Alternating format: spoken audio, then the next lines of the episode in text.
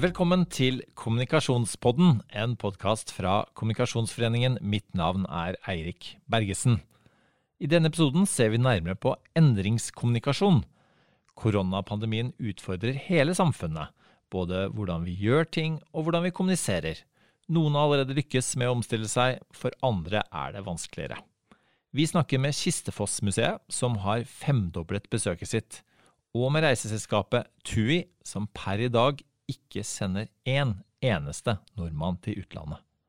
Hvilken rolle har kommunikasjon hatt for å skape og håndtere endring?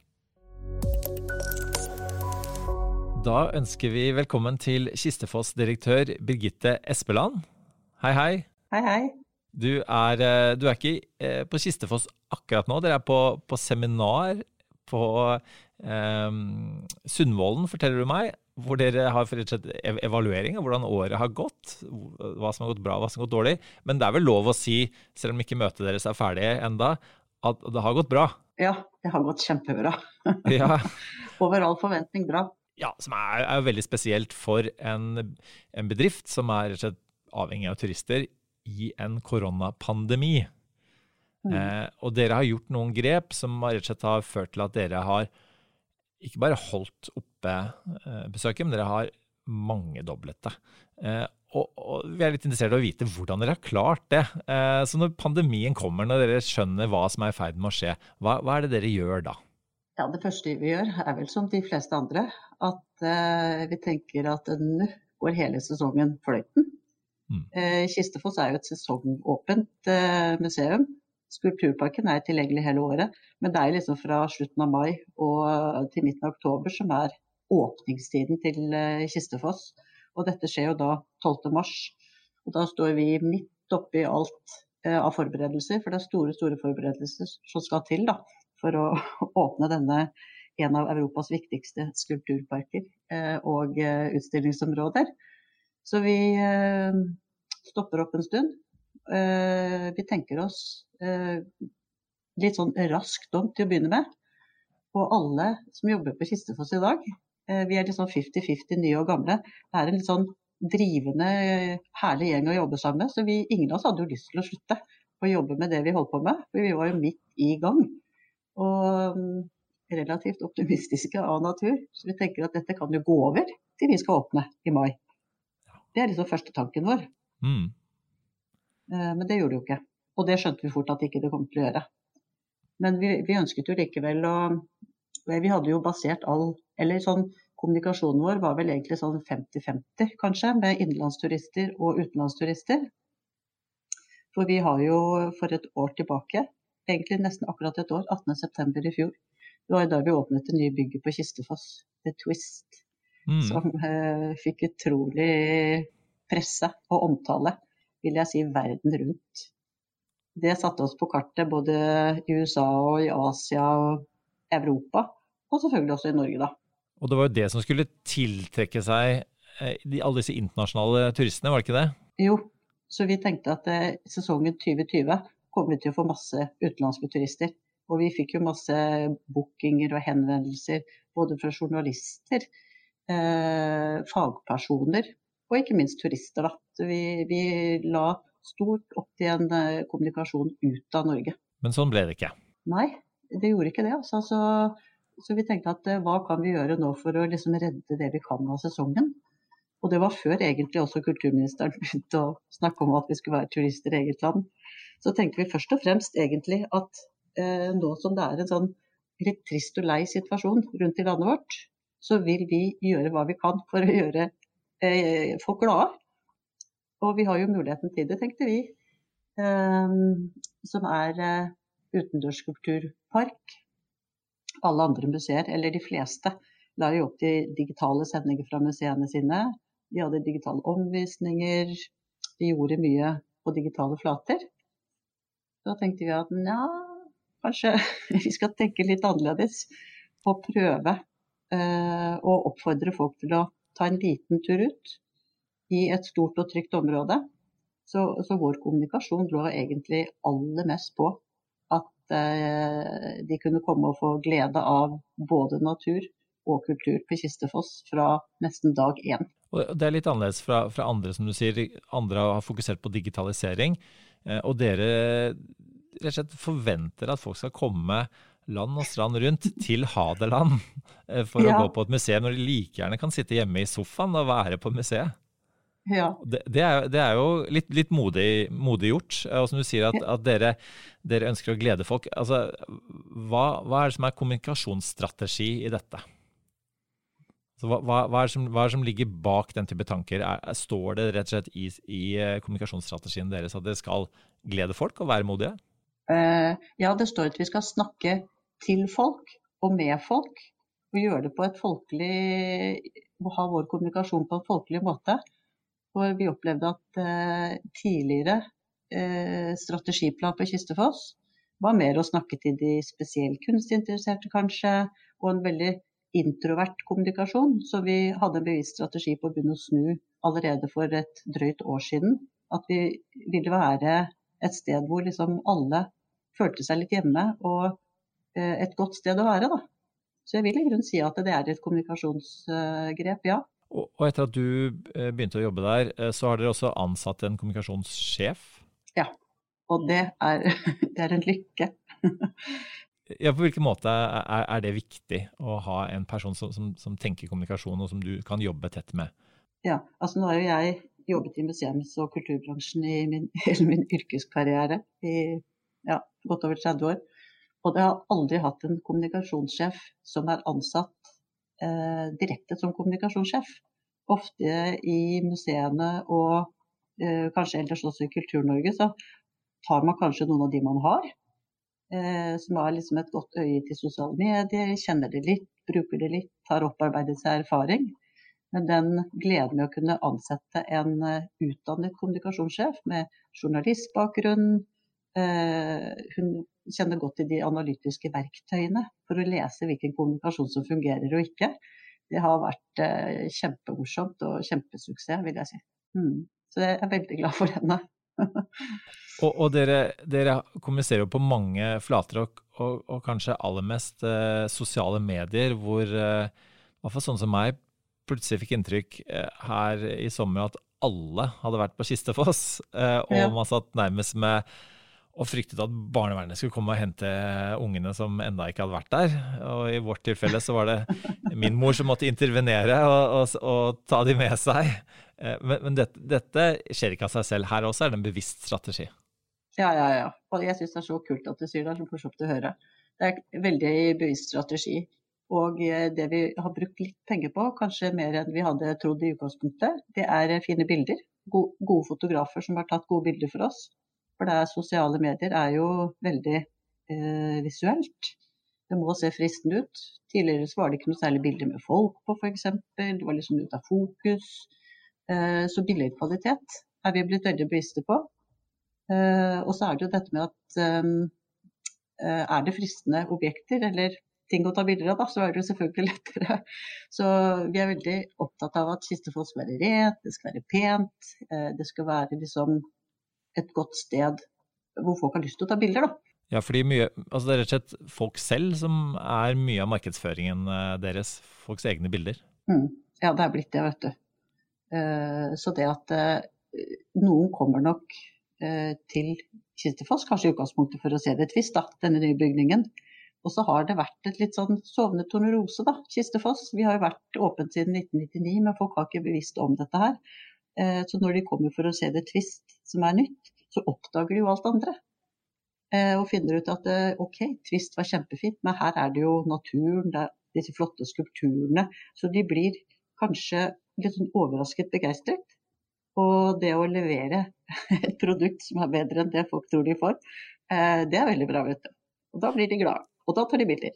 Og, og, og, når de tar bilder, og når de kommenterer, så er også dere inne og kommenterer. Altså det er en, en, og det er ikke bare en eh, like eller et, eh, et hjerte.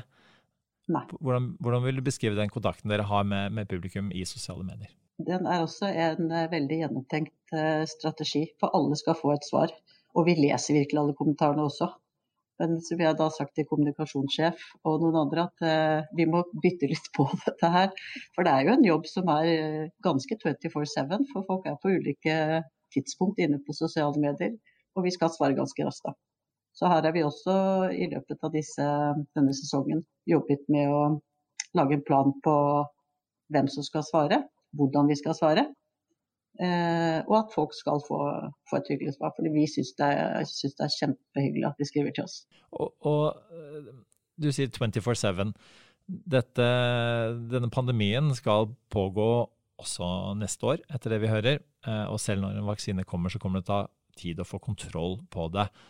Når mm. dere sitter nå på strategiseminar og, og tenker 2021, eh, klarer dere å Dere har tatt et skippertak nå, men klarer dere å holde dette oppe eh, også, også, neste år? Hvordan lager dere systemer som gjør at, at dere på en måte eh, at dere holder oppe kondisjonen eh, fremover, gitt at pandemien vil fortsette?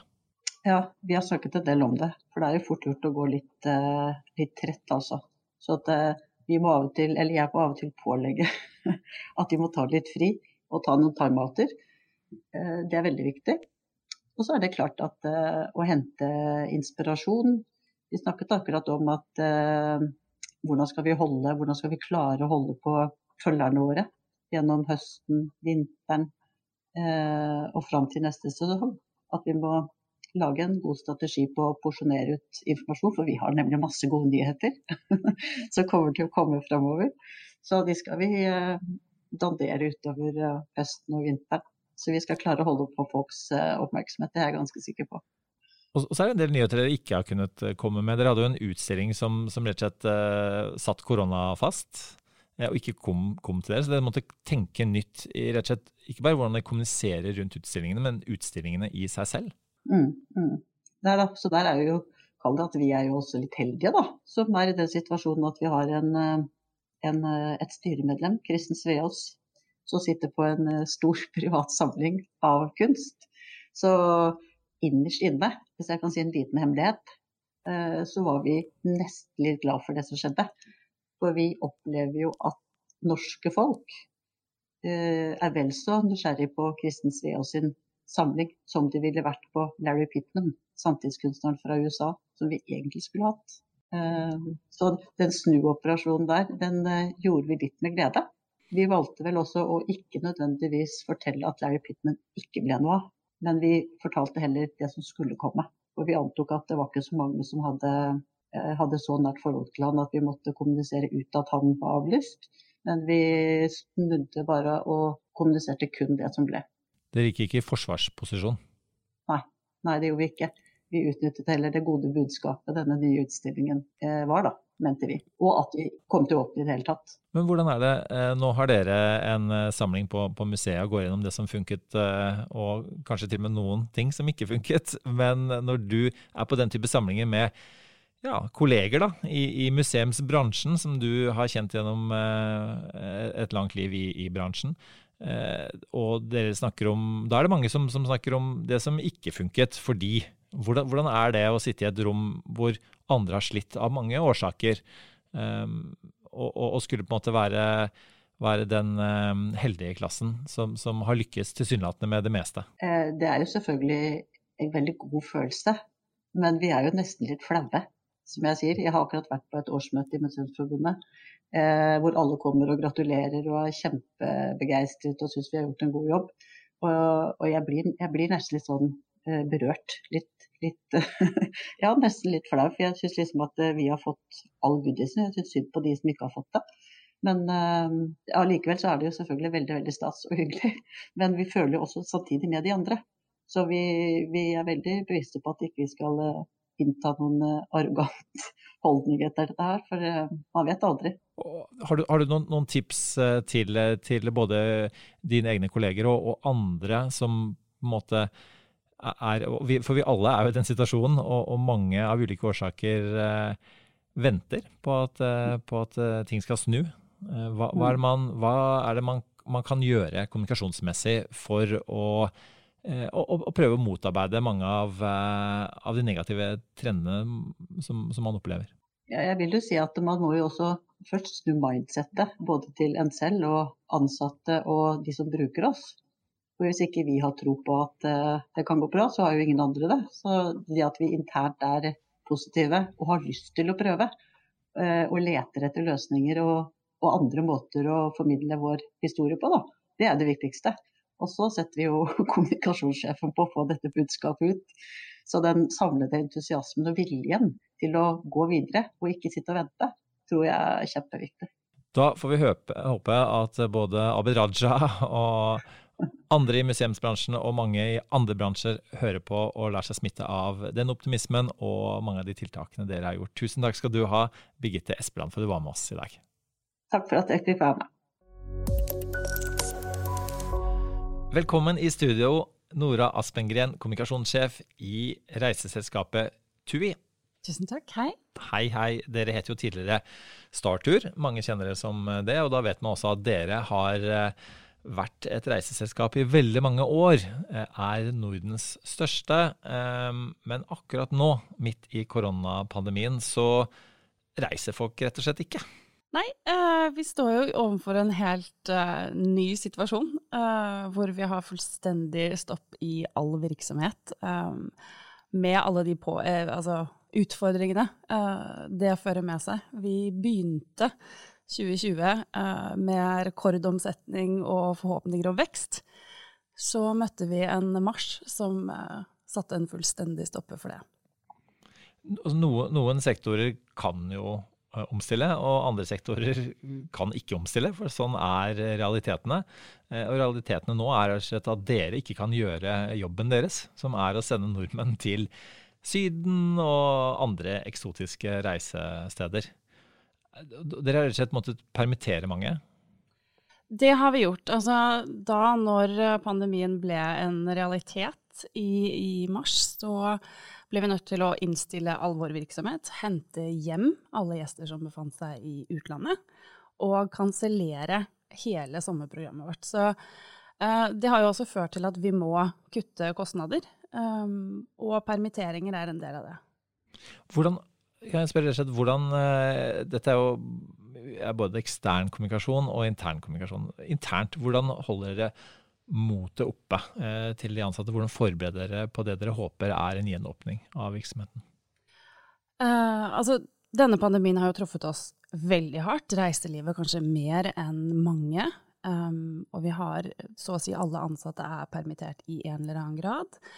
Og det gjelder jo å klare å opprettholde både et sånt primært informasjonsbehov, altså hvordan påvirker det min hverdag? Eh, hva vil det ha å si for meg? Og eh, hva skjer med virksomheten, eh, ettersom ting endrer seg hele tiden, og det er veldig usikkert.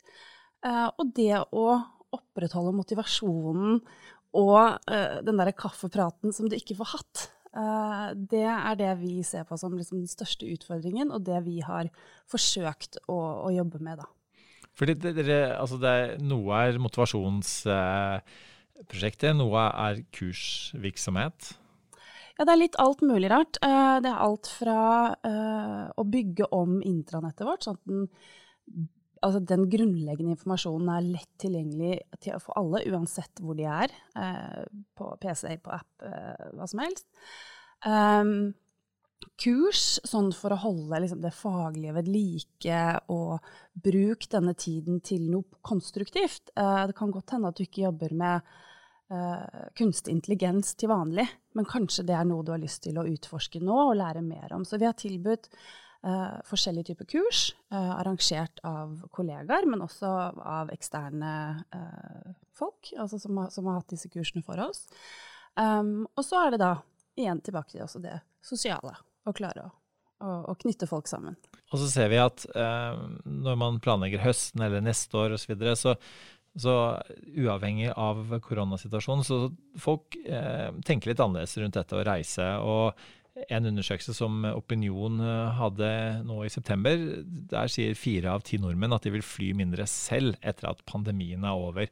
Det er mange ulike undersøkelser, og de, de endrer seg litt, eh, eller mye, på kort tid eh, mm. etter hvert som, som, situasjonen endrer seg.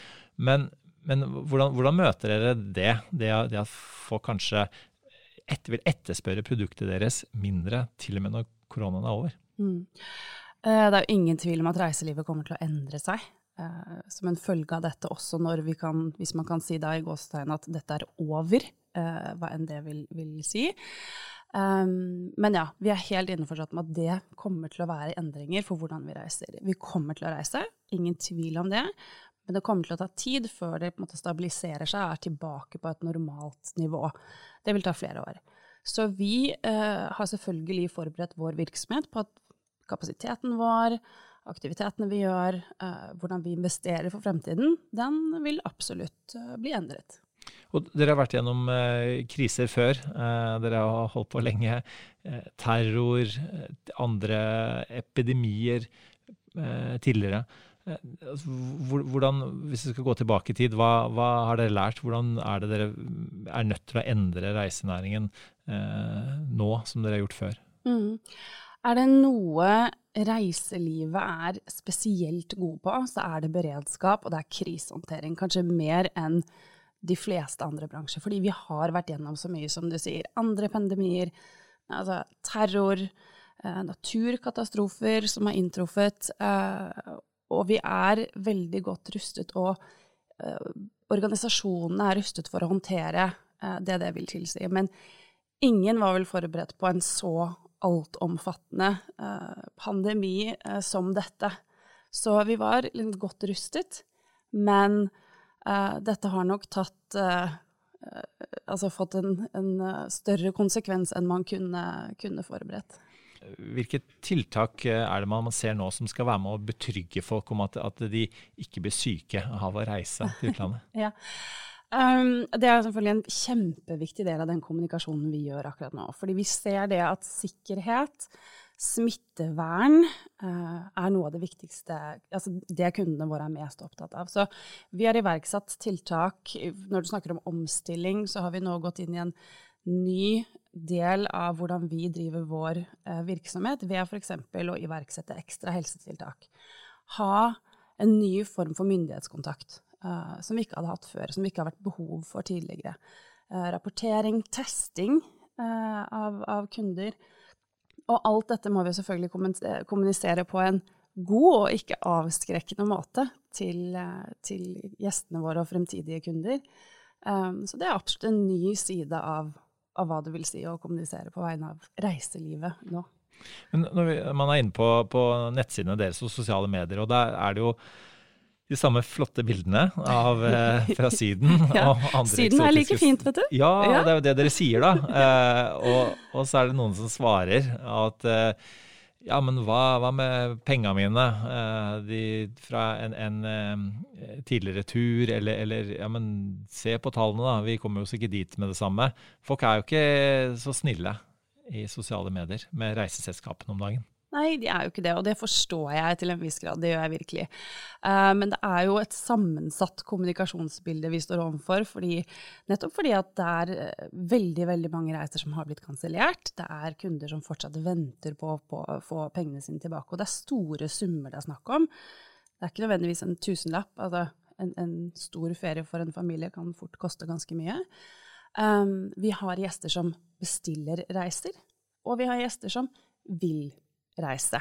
Men de er avventende. Så, så, vi har på en måte mange forskjellige kundegrupper eh, og potensielle kundegrupper å kommunisere med akkurat nå. Men um, det er selvfølgelig kjempeviktig å ivareta alle de som sitter og venter, og de som er litt ekstra sinte i, eh, i sosiale medier. Så godt man kan med ja, de ressursene det, det er, man har. ja, fordi dere har ikke, med så mange permitterte, så har dere ikke så mye ressurser heller nå. Er, er, er ikke det frustrerende å ikke kunne på en måte jeg ser at, ser at ikke alle får svar, eh, hvis det, man går inn på Instagram på siden deres. Ja, og, og, det må vi være ærlige på at uh, vi gjør det beste vi kan basert på de ressursene vi har. Og da er det viktigst å uh, måtte sørge for at folk får pengene sine tilbake. Kommunisere med de som, som venter. Forklare de hvorfor det tar tid.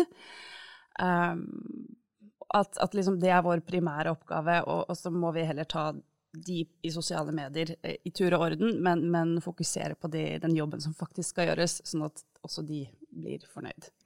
Og, og ingen er mer fornøyd enn en eh, nordmann på en eh, strand på Gran Canaria. hvis, hvis, hotellet ser like fint ut som det gjorde på bildene. Mm men, men, men, den drømmen om, om uh, Syden, da, hvordan klarer dere å opprettholde den i uke etter uke, måned etter måned? Altså, nå er nordmenn er blant de som reiser mest. Eh, særlig i Norden så reiser vi oftere enn en, uh, våre andre naboer. Så nordmenn er godt vant, de vet hva som finnes der ute. Um, og det skal jo ikke mye til for å få den der reiselysten på gang. Nå er nok kanskje jeg litt sånn eh, særtilfelle, fordi jeg reiser nok mer enn andre uh, og har mulighet til det. Um, men jeg merker jo selv at jeg er jo helt syk etter å reise. Uh, jeg, jeg, vil ut, jeg vil oppleve igjen. Og det er nok mange som er som meg.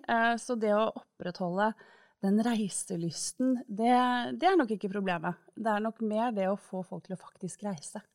Men nå konkurrerer dere jo med Vi har snakket med Kistefoss her, og folk kan bare sette seg i bilen og dra til Hadeland og ta bilder av noen fine skulpturer. Ja. Eh, er, ikke, er, er, ikke, det en eh, Hvordan møter den typen konkurranse? Er dere ikke redde for at det kan overta for, for Sydendrømmen? Nei, det tror jeg absolutt ikke. Jeg tror ikke det ene ekskluderer det andre. Eh, fantastisk at vi får oppleve steder som Kistefoss, eh, og at vi får oppleve Norge på en måte som vi kanskje ikke har gjort tidligere. Men jeg tror nok det er grenser for hvor mange ganger eh, liksom Lofoten skal eh, overgå Santorini hva gjelder feriedrømmen. Men vi får se. Vi får se. Kan, ikke, kan ikke dere også legge om, altså selge et annet produkt? Hva med grisefest eller noen bamseklubb eh, oppe i Lofoten? Jo, og dette er jo selvfølgelig ting vi har sett på, altså ikke nødvendigvis grisefest osv., men, men det å tilpasse produktet vårt. Én ting er det eksterne, der hvor vi eh, omstiller oss i forhold til hvordan man nå håndterer gjester på en destinasjon. Um, men så er det også det å kunne tilby aktiviteter og opplevelser i Norge. Og det gjør vi, eh, og vil gjøre mer av. Rett og slett fordi vi har muligheten til det, og det er et produkt vi ellers ville tilbudt i f.eks. Spania, som også er mulig å tilby i Norge. Så den endringen, den, den, vil nok komme. Men hoveddelen av vårt virke er fortsatt eh, den stranddrømmen i Karibien. Det er uh, greit å vite at, uh, at strendene ligger der fortsatt. De er der, de og venter. Og dere er klare når uh, pandemien er klar. Absolutt, det er vi. Takk for at du var med oss i dag, Nora Aspengren. Tusen takk. Takk også til deg som hører på. Og likte du det du hørte, gi oss gjerne en vurdering, og husk å abonnere. Mitt navn er Eirik Bergesen. I redaksjonen har vi Malin Sundby Revå og redaktør Mari Mellum. Tekniker er Anders Ringen. Podkasten er laget med støtte fra Fritt Ord. Du har hørt en podkast fra Kommunikasjonsforeningen. Les mer om oss på kommunikasjon.no.